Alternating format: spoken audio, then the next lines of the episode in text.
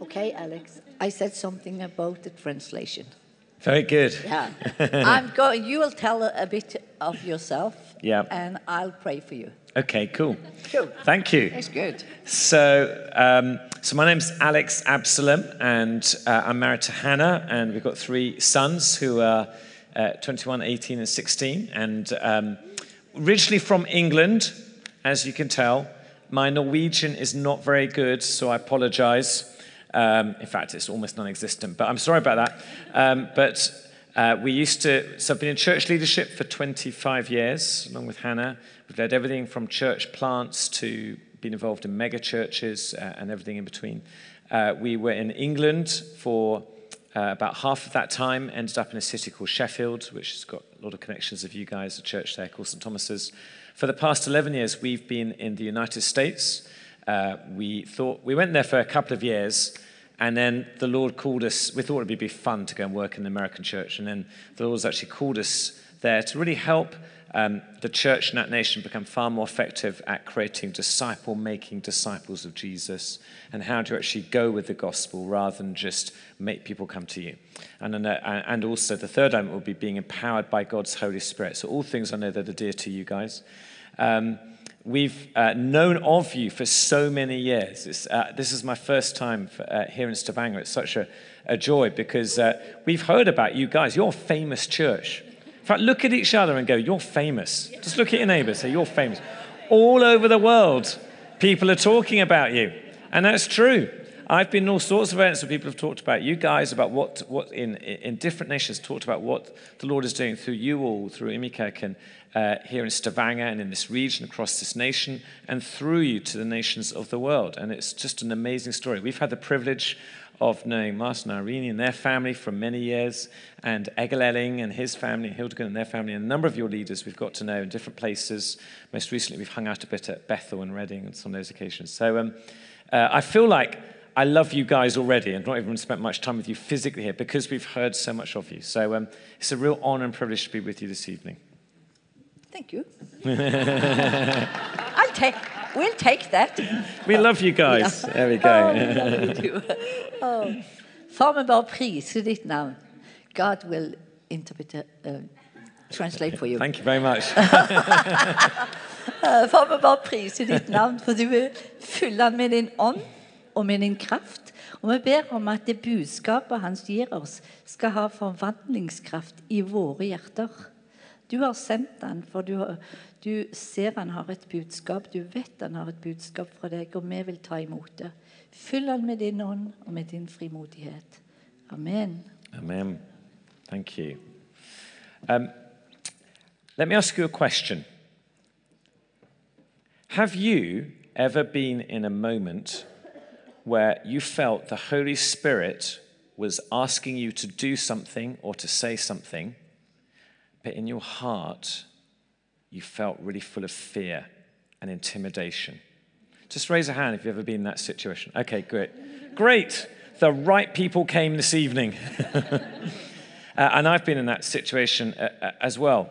Um, and what you find yourself doing, particularly when it's a situation to do with um, sharing our faith and living on mission, um, what I find happens is um, this little voice starts up in my head and it says, Oh, what will your neighbor think of you if you talk about Jesus?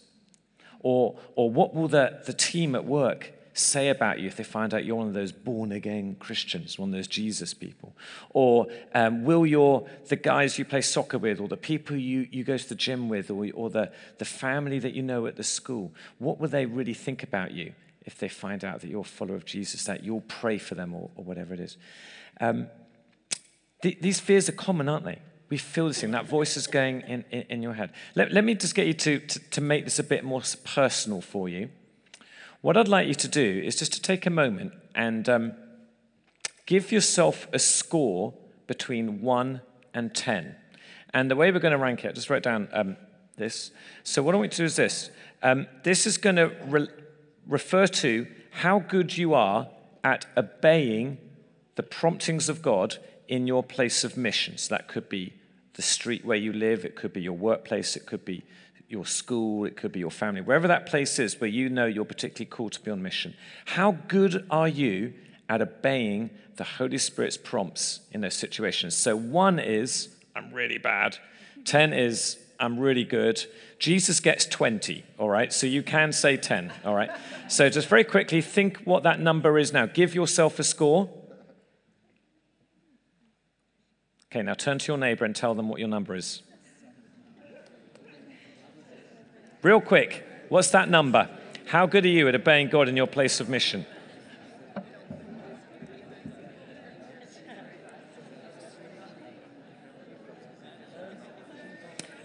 And now, what I want you to do is think what would it take to raise your score by one? What would it take for you to raise your score by one point on whatever number you're at? So if you're a two, what would it take for you to get to a three? If you're a five, what would it take you to get to a six? If you're seven, what would it take for you to get to an eight? What would that? What would one thing be that you could go forward?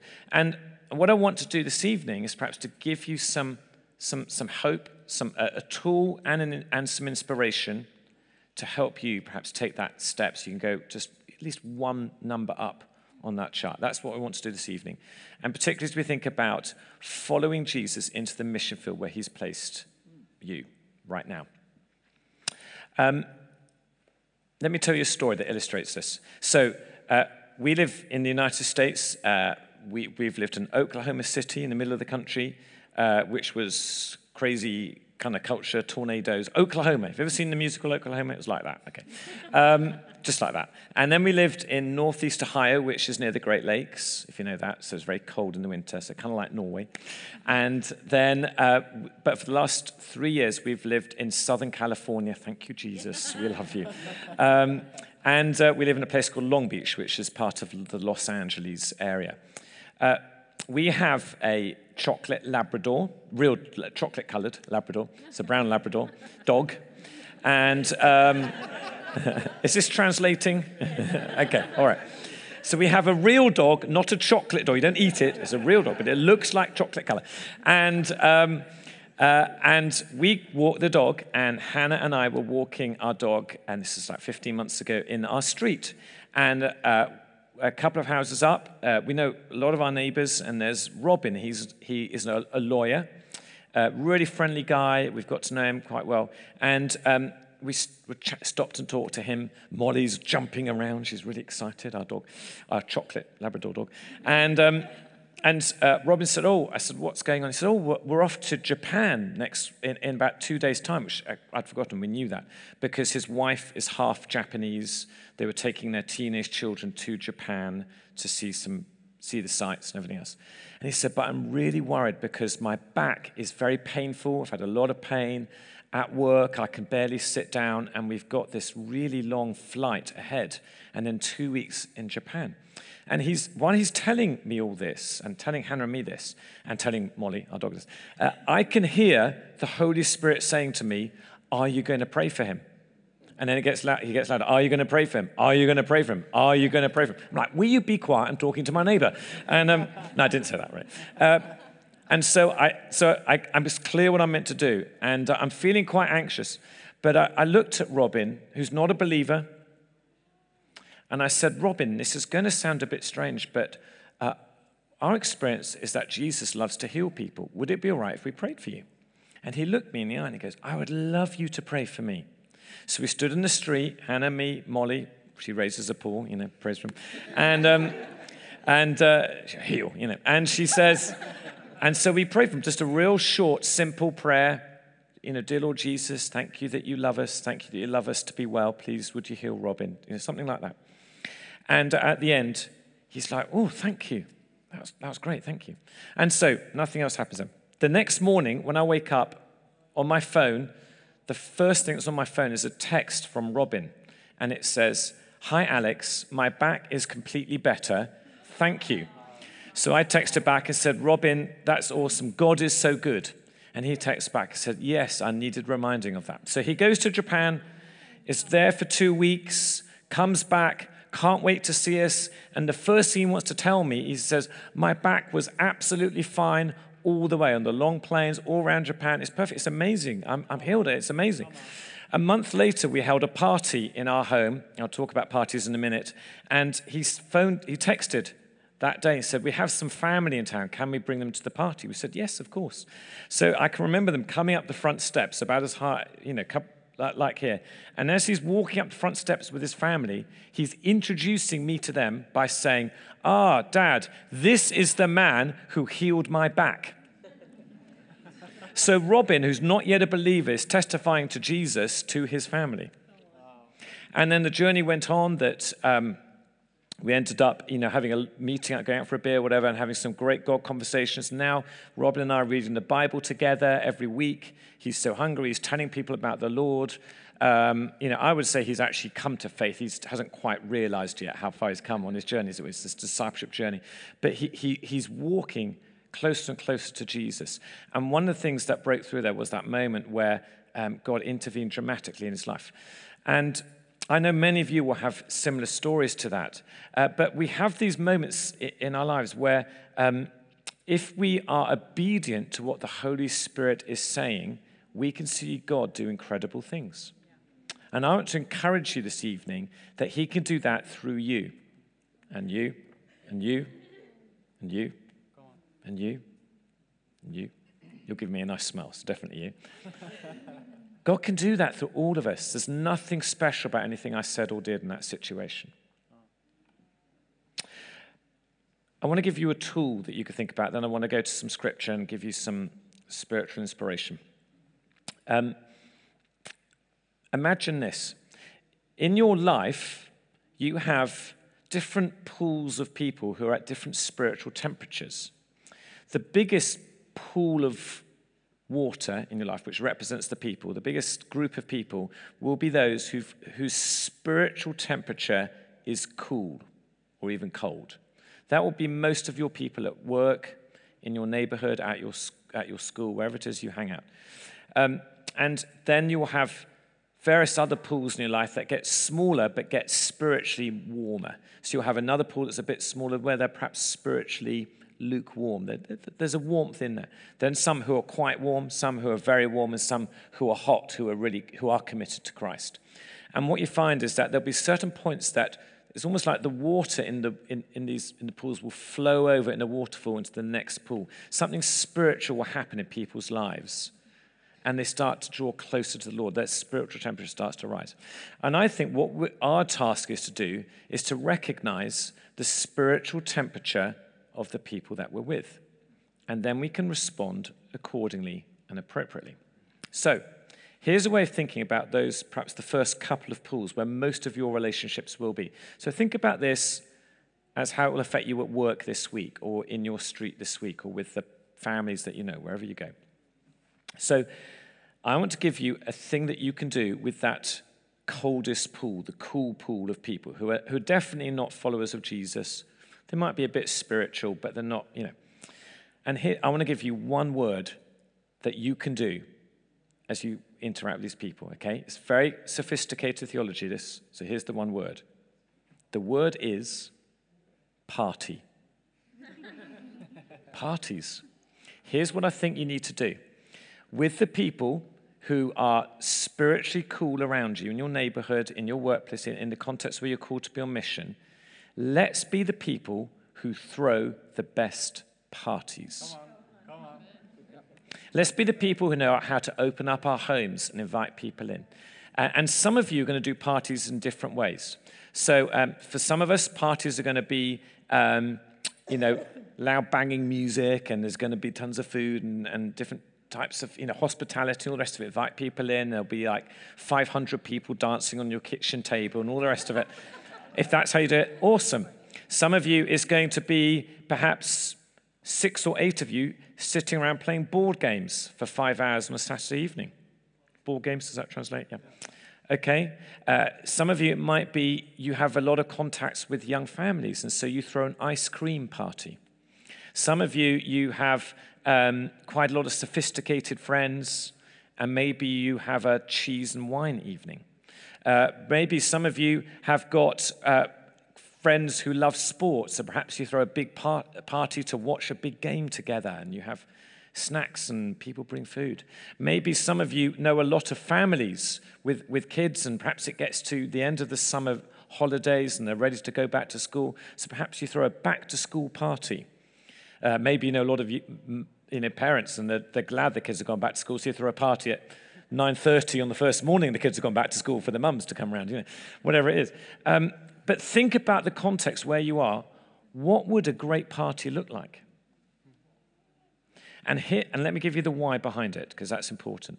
The reason you do that is because that becomes a doorway into family. It becomes a doorway into community. Most of your friends will be looking for um, that. Your friends, if they're anything like mine, they're hungry to belong. They're hungry to know that they are known. They are hungry to know that they can be loved.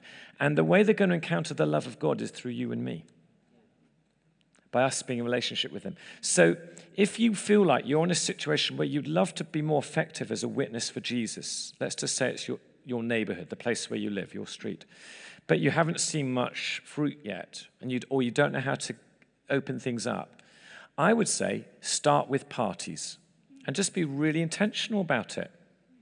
Let me put it like this. Here's perhaps a challenge. What would it look like for you and your household, so your family or your housemates, what would it look like if, say, between now and Christmas, you try to do four or five parties?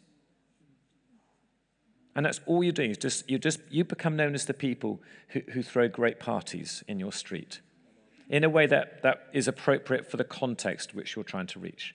What would it look like if you did that? And we've done loads of these things and we try different stuff because we're English in America, and all the Americans just think we're all like, like we're like the Queen of England. You know, that's what we think like.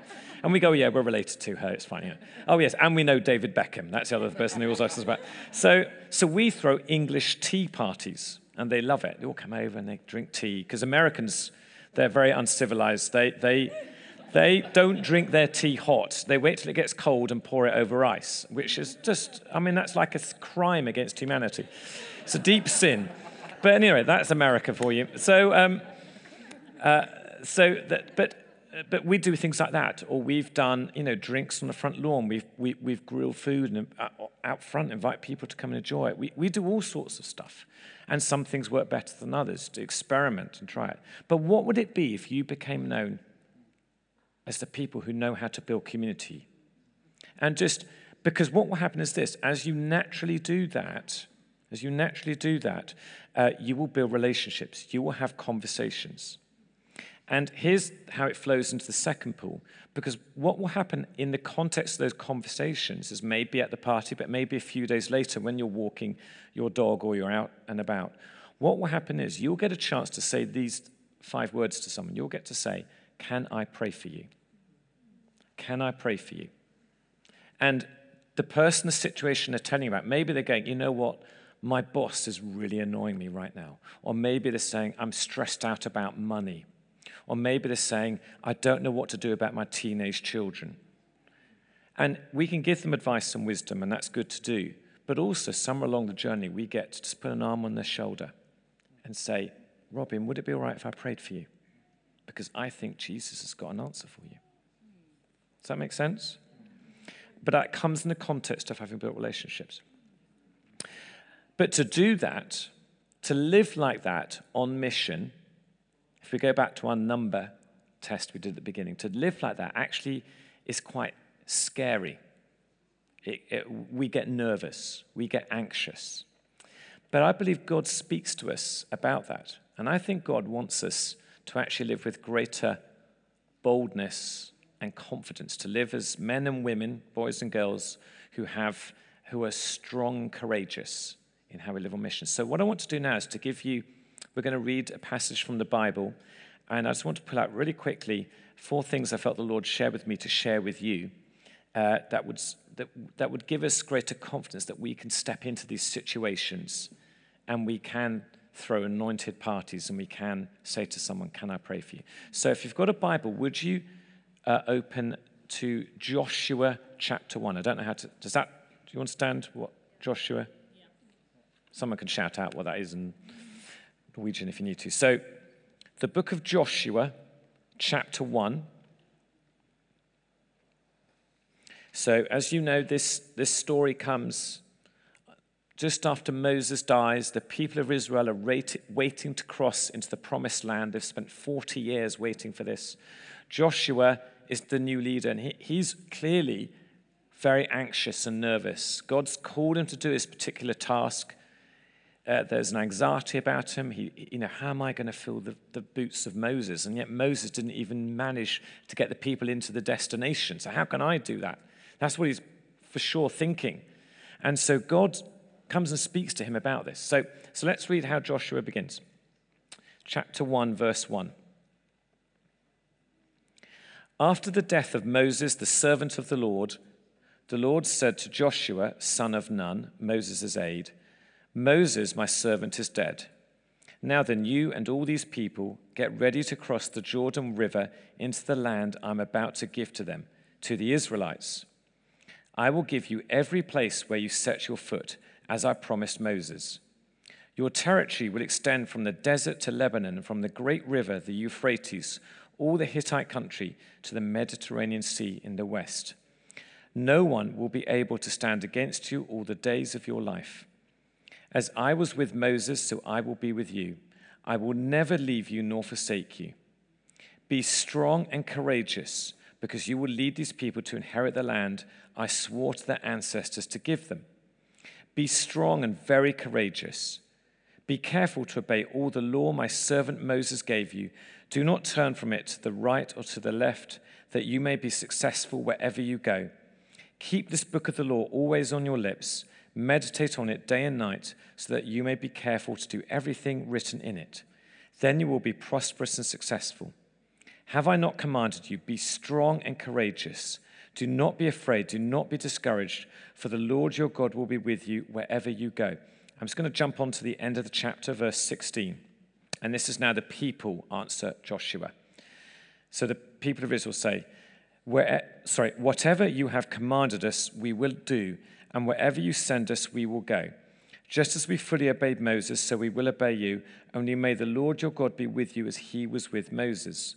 Whoever rebels against your word and does not obey it, whatever you may command them will be put to death. Only be strong and courageous.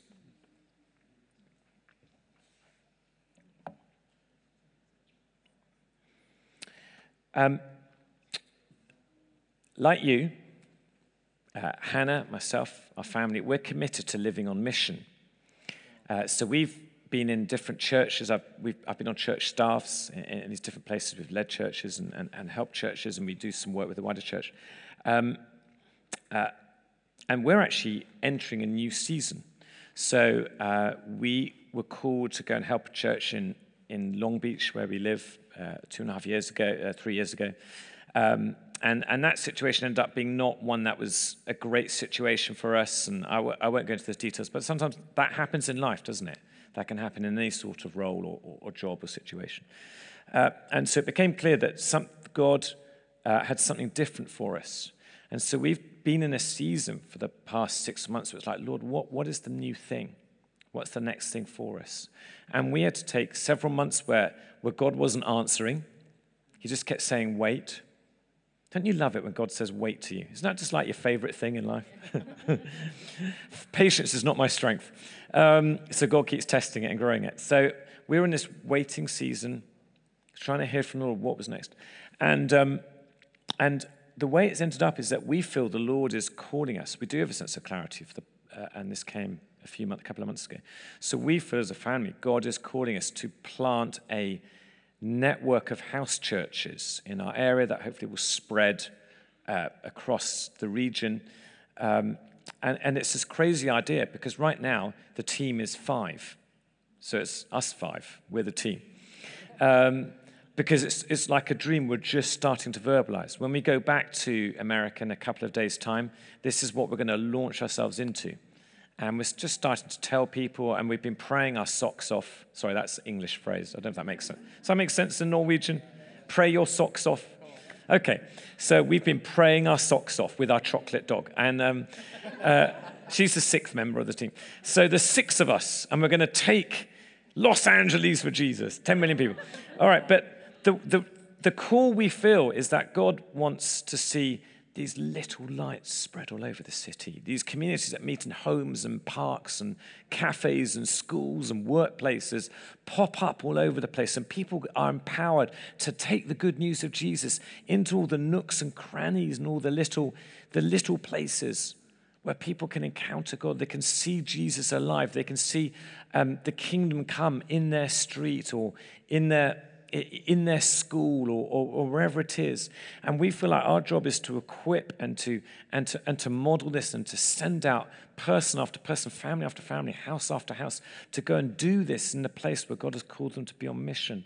And somehow we, we believe the Lord wants to use this to shape the wider church as well, particularly in the States, um, which um, needs to realize that, you know, uh, we, we can't just rely on the big event. We have to be sending people to go and reach our friends and neighbors, as I know you guys know very strongly. And there's a sense of strong call over us right now to do this. And yet at the same time, there's so many questions unanswered. So many questions unanswered. We don't know uh, uh, lots of, you know, how's it going to work? How's it going to operate? We've got ideas. Who, who's going to be with us? Um, uh, how are we going to, um, you know, uh, our, financial, uh, our family finances, that's going to work. There's, there's lots of areas where we're just like, Lord, what's the answer? We don't know yet. But um, the temptation is to be filled with fear. You know the thing where you wake up at three o'clock in the morning and your mind goes zing and it starts, and you can't stop it off. Do you ever have that? That may just be me, I don't know, but apparently some other people get that as well. Um, and we're having to choose not to go to that place, but instead to be in the place where we are strong and courageous. And we're choosing to trust God. Because if God calls us, then He's going to supply the need. So, if you relate to that, then I think um, if you have any area in your life right now where you feel fear is tempted to come in, then I think this passage is a beautiful one to help inspire us to trust God. And I wanted to show you um, a couple of things out of here. Firstly, um, this it, it, talks clearly about that, that phrase, be strong and courageous. That's why I want to focus on. So being strong and courageous is in verse 6, verse 7, verse 9, and verse 18. The people say it back to Joshua. And um, the verb, I looked this up, the verb to be strong, or literally, you can also translate it strengthen yourself. Uh, that means to um, fasten upon something. A bit like maybe like Velcro sticking to another piece of Velcro or piece of, you know, something that sticks to you, sellotape. Um, or it can also mean to, um, or put another, it's like to, one definition is to obstinately bind. I don't if the word obstinate translates. When you're, so obstinate means to be stubborn, like you won't let go. Does that make sense? Like you just grip on. I'm not letting go. I'm not letting go. I mean, there's someone holding on, holding on. I'm really sticking to this thing. Uh, and that's how we're meant to be with God. We're meant to obstinately bind. We're meant to strongly hold on to Him. We're like, we're like super glue ourselves to Jesus. And, um, and so, and what, what it implies is that as we do that, as we, as we are strongly connected to Jesus, um, He does something in us. And what He does in us is he enables us to withstand those fears. He strengthens us in our inner being. It's like um, we are fortified. You know, when you look at, um, say, breakfast cereal, if you look at the packets, it says it's fortified with calcium and iron and, and vitamins and all these good things. We're, we're, that's what God does in our lives. He fortifies us, He strengthens us in the core of who we are as we, as we, as we hang on to Him, we tenaciously hang on to Him. And, and, and this is what it means to, to be strong and courageous. We fasten onto Jesus. And what I want to show you from this passage is four ways in which we can do that, how God interacts with us in this. So the first one is this in verse 6. Verse 6. Uh, let me just read that phrase again to you. Verse 6 God says, Be strong and courageous because you will lead these people to inherit the land I swore to their ancestors to give them. So here's the first one strength and courage comes from God's promises. And the way I want to talk about this is prophecy in particular. God's promises, the way, the things that God speaks to us personally through other people or directly into our own spirits. Um, a good verse to illustrate this is 1 Timothy chapter 1, verse 18. So 1 Timothy, if you're writing notes, chapter 1, verse 18. Paul says this Timothy, my son, I'm giving you this command in keeping with the prophecies once made about you, so that by recalling them, you may fight the battle well, holding on to faith and a good conscience, which some have rejected and so have sh- suffered shipwreck with regard to the faith. So, uh, Paul is saying to Timothy, You've had these prophecies spoken over you, you felt things in your heart that God is saying to you, promises that He is making. Hold on to them. He says, recount them, remember them, bring them to mind. And what I want to say to you guys is if God has spoken to you about things, maybe in the past, maybe a long time ago, our task is to bring them back to mind, to remind ourselves of what God has spoken to us, things He might have said to you about your destiny, about your life, about things you are called to be or become or do. And they might sound like foolish, foolishness to others. You might feel, I, I don't dare say it out loud because what will people think of me? Which is fear, by the way, which doesn't come from Jesus, but that's, we'll put that to one side. But it might sound so crazy. How would anyone believe that's true? But we have to trust that God speaks these things into our lives for a purpose. Let me give you an illustration of that. Um, about 18 months ago, a couple prayed over us who are very prophetic. And one of the pictures they gave Hannah and me was they had said, I see this vision of you in an airport looking for your gate to get on the plane. And you're going gate to gate to gate, and you can't work out which is your gate. But it, and it was quite a long word, but they said, You will find your gate, but it's going to take you some searching out. And so when we were in this season of transition earlier this year, we remembered that word. And it, it was one of the things that gave us confidence that God would show us what our next thing was even if it took some searching, some digging out, and we weren't therefore surprised or upset or discouraged. It took some time. So that's a little personal example. But you will have these things in your life, and I want to encourage you that we need to be people who, who are eager for prophecy, eager to share that with others, and also eager to receive it. And to be honest, one of the practical things I do is I write it all down. If you don't do that, I'd encourage you to start doing that. So I write it down so I can go back to these books I have, and I have audio if someone speaks over me, and, and I, can, I can listen to it and be refreshed and reminded of that stuff. So I know you guys are good in that, so that was the first one. So the first way we can strengthen, be strengthened and encouraged and, and have courage comes from God's promises, His prophecy. Second one, strength and courage comes from God's word or scripture, the Bible. This is verse 7.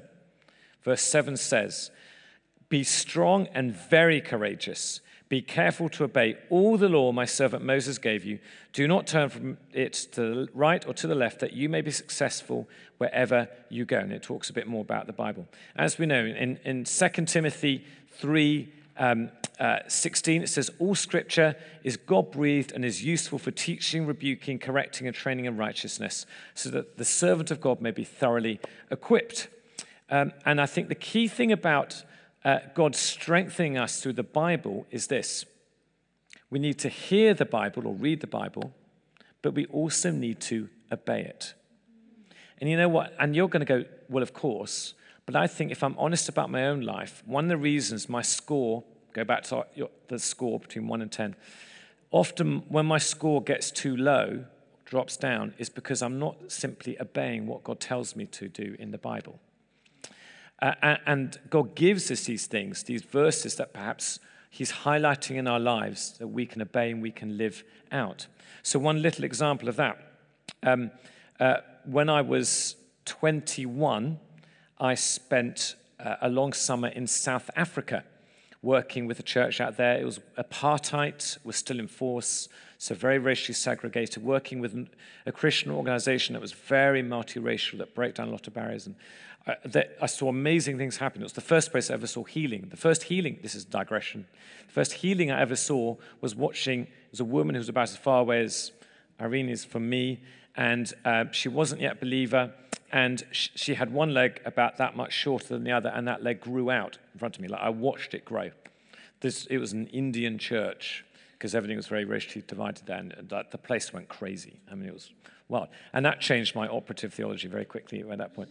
Um, but while I was there, I felt God was calling me to church leadership. Up to then, I was going to be a politician so, uh, and be prime minister of Britain and invade Norway or something like that.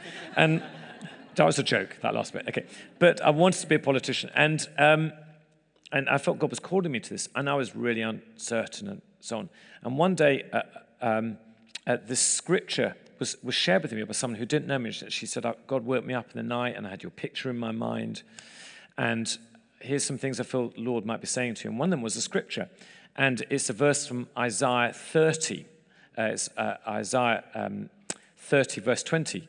And it says, uh, whether you turn to the left or to left or to the right, uh, you will hear a voice behind you saying, This is the way, walk in it. And that's been a verse, one of my life verses. And I, I, that's been our experience that God has spoken to us and directed our, our pathways. And so for me, that's an example of a Bible verse where God has used it to bring strength and courage into my life. And again, for you, I would say if you need greater confidence, if you want to break the power of fear, get into the Bible and say, Lord, is this, where's the promise in here that's for me in this situation? Does that make sense? It's really simple. Number three, how to grow in strength and, and courage is through God's presence. So, strength and courage comes from God's presence. Verse 9 of Joshua 1 Have I not commanded you? Be strong and courageous. Do not be afraid. Do not be discouraged, for the Lord your God will be with you wherever you go. God loves to strengthen us and encourage us through his presence. If you remember at the very end of Matthew's gospel, Matthew 28, verse 20, the last phrase of Matthew's gospel uh, Jesus says to us, Surely I am with you always to the very end of the age. So that's the last thing that we're to hear from Jesus in that gospel. God promises to be with you and to be with me uh, as we go out on mission. So if you are representing Jesus at your school or at your workplace or in your neighborhood, as, as you throw those parties, as you say, Can I pray for you? As you live out for Jesus, Jesus is with you. You can be confident of that. Jesus, in fact, He's gone ahead of you. He's with you. And He can come behind and He can smooth out the wrinkles that we leave as well sometimes, because we'll get stuff wrong. So we don't need to be worried, overly worried about that as well. God is with us. He loves to surround us uh, with His presence. Um, and, uh, you know, we've experienced again and again how uh, we've been in situations where we felt anxiety or, or, or nervousness or fear. And there's been that sense of the peace of God comes on us, the presence of God. And it doesn't make sense logically, but in our hearts, we can feel God's presence. And so I want to encourage you be open to that, be looking for that. When you sense God's presence, as you look for that and ask for that, that will be a sign of God being with you in that place of mission. So trust Him for that. We, we take it by faith, but also you will experience it. And then finally, uh, the fourth uh, way uh, God can bring strength and courage to us, and it comes from God's people. So God strengthens and it makes us courageous through his people. This is verse 18. So in verse 18, at the end of the chapter, uh, the people say to Joshua, Only be strong and courageous. They tell Joshua, We want you to be a strong and courageous leader. Um, and uh, you see this in lots of different ways. So in Paul's ministry, uh, he often, in, when he's writing his letters, he talks about how he has been strengthened by the other believers who've helped him out. So, an example comes at the beginning of Romans 16, which is the, the last chapter of Romans, where he says, for instance, I commend to you our sister Phoebe, a deacon uh, of the church in, in Cenchreae I ask you to receive her in the Lord in a way worthy of his people and to give her any help she may need from you, for she has been the benefactor of many people, including me. I don't know about you, but I've been in many situations where God's people, where the people of God, where, where he's used men and women to really help me get strengthened spiritually, to help me have greater courage in my heart. And, and that's one of the ways God wants to, to empower and encourage you. So we were in Sheffield um, just over a week ago, and we were with some old friends of ours, uh, John and Liz Lovell, and they were speaking to us, and they really spoke strength and courage into Hannah and me as we talked about what we're going back to do with this new uh, church planting that we're doing. And, um, and, they really, and it, was, it was really uplifting. It really filled us with greater boldness and anticipation of what God wants to do. And so I'd encourage you, as you think about your place of mission, as you think about obeying God, be, have some people who are also believers you can share that with. You talk about it and you allow them to speak courage into you. They speak strengthening into you. They will speak words, and somehow it, it, it, it's not just flattery, but it's actually, these feel like the words of God spoken into you. And they will encourage you and help you in those situations. So um, let me ask you a question. Here, I'm going to wrap up now. Um, just raise a hand. Who here needs more strengthening and courage as you go to your place of mission this week? Okay? Hopefully, we all recognize that. We all, thank you, put your hands down. We, we all need more strength and courage as we go on mission. So, so let me ask you another question. You can think about this. How might God be wanting to give that to you this week?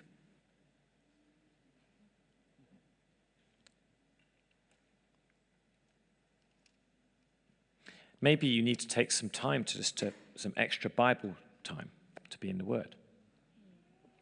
Maybe there's, there's a, a believer, another Christian, or, or, a couple of people you could get with intentionally, have a coffee with, and say, Here's what's going on.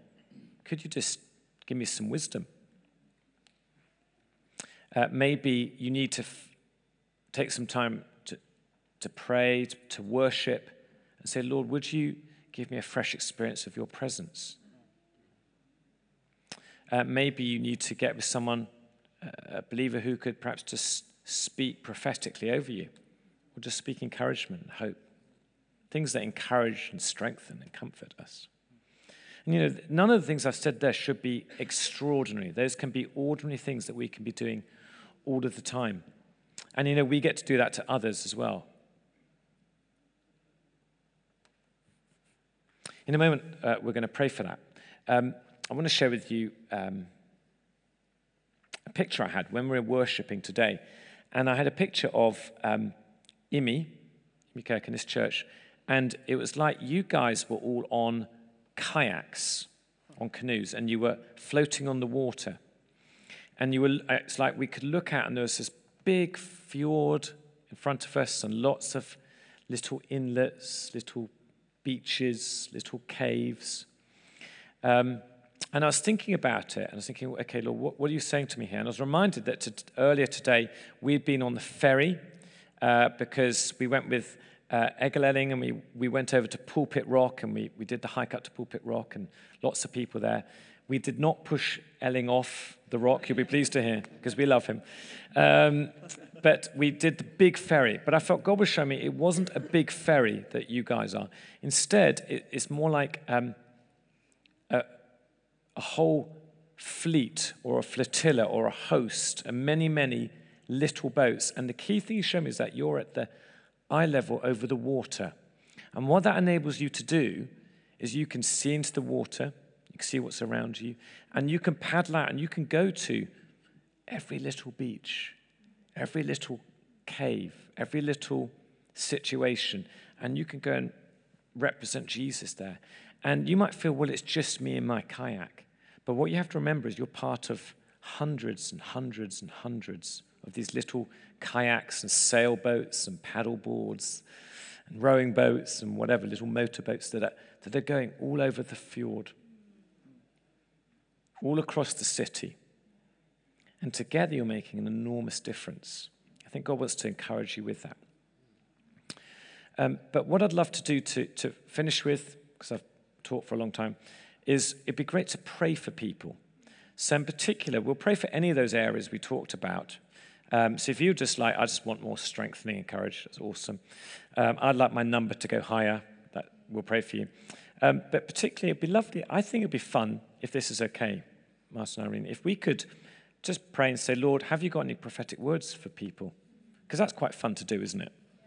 Yes, Alex, it is fun to do. All right, and we'll just do stuff that's strengthening, encouraging, comforting. It's not going to be anything difficult. It's no, it's never condemning. It's always Jesus always wants to bring love and His life into us. So I would love to. Uh, I think we've got folks who, who love to do that, and Irina will perhaps help set us up for that. But I think that would be a great thing to do, just to pray over. You know, if you and it's, sometimes it's fine to say, "I'd love an encouraging prophetic word as I go into my place of mission." Well, let's come and ask for that tonight, because I think God would want to do that to encourage us. Or if you're just like, "I need, I need God's strength, I need God's courage," come and get that. Just, just stop for a couple of minutes, and we'll do that now. So I'm going to pray, and Irene, what's the best way to get people to do that? Do I?